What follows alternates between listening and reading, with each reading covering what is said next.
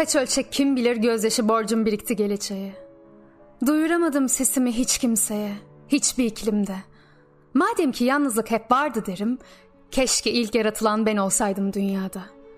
Ve uçurumun dibindeki atsız bir çiçek gibi, aşkı ilk yaşayan da ben olsaydım sudaki gölgemle baş başa. İnceliği kim kim öğretti bilinmez ama, incitmemişlerdi birbirini bakışlarıyla sonuçta. Ne olurdu sanki ilk sözcüğü ben aykırsaydım sağır kayalara. Sesimin yankısı bir yanıt verirdi belki bana. İlk ölen ben olsaydım, doğduğumu sanarak bir başka aydınlığa. Madem çok küçüğüm, yok gibiyim aslında, keşke ben zaman olsaydım. İçime evren dolardı gözlerimi açışta boşluğa. Yetmedi suyun, derenin, ırmağın, çatlayan kalpleri. Yetmedi. Yetmez öyleyse benim de kalbim. Yetmez deniz olmaya. Sen gündüzü ve ışığı seversin.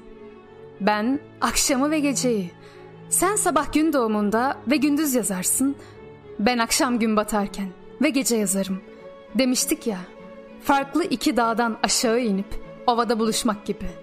Herkesin dağı kendine göre güzel. Herkesin dağının karı daha ak. Dağların karını mendile sarıp eritmeden düz ovada paylaşmayı öğrenmek gerek derim. Anlamasan da olur. Kimse anlamasa da olur. Gerçek hürriyet budur.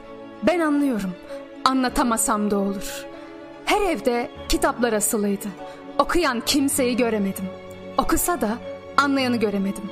Saptım kendime. Hayırlar, nakışlar, kusurlar işledim. Ay denize düştü, ben ıslandım. Merakla sustum. Belki susmak mavidir diye. İlmektir boynumdaki. Ama ben kimsenin kölesi değilim.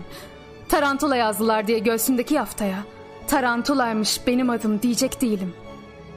Yüreğime gömülü camdan bir güldür özlem. Işığı görünce başı dönen. Öylesine incinmiş bir güldür ki yapraklarını içine katlayarak gizlenir güneşten. Sen çıkardın utancını duvara astın. Ben masanın üstüne koydum kuralları.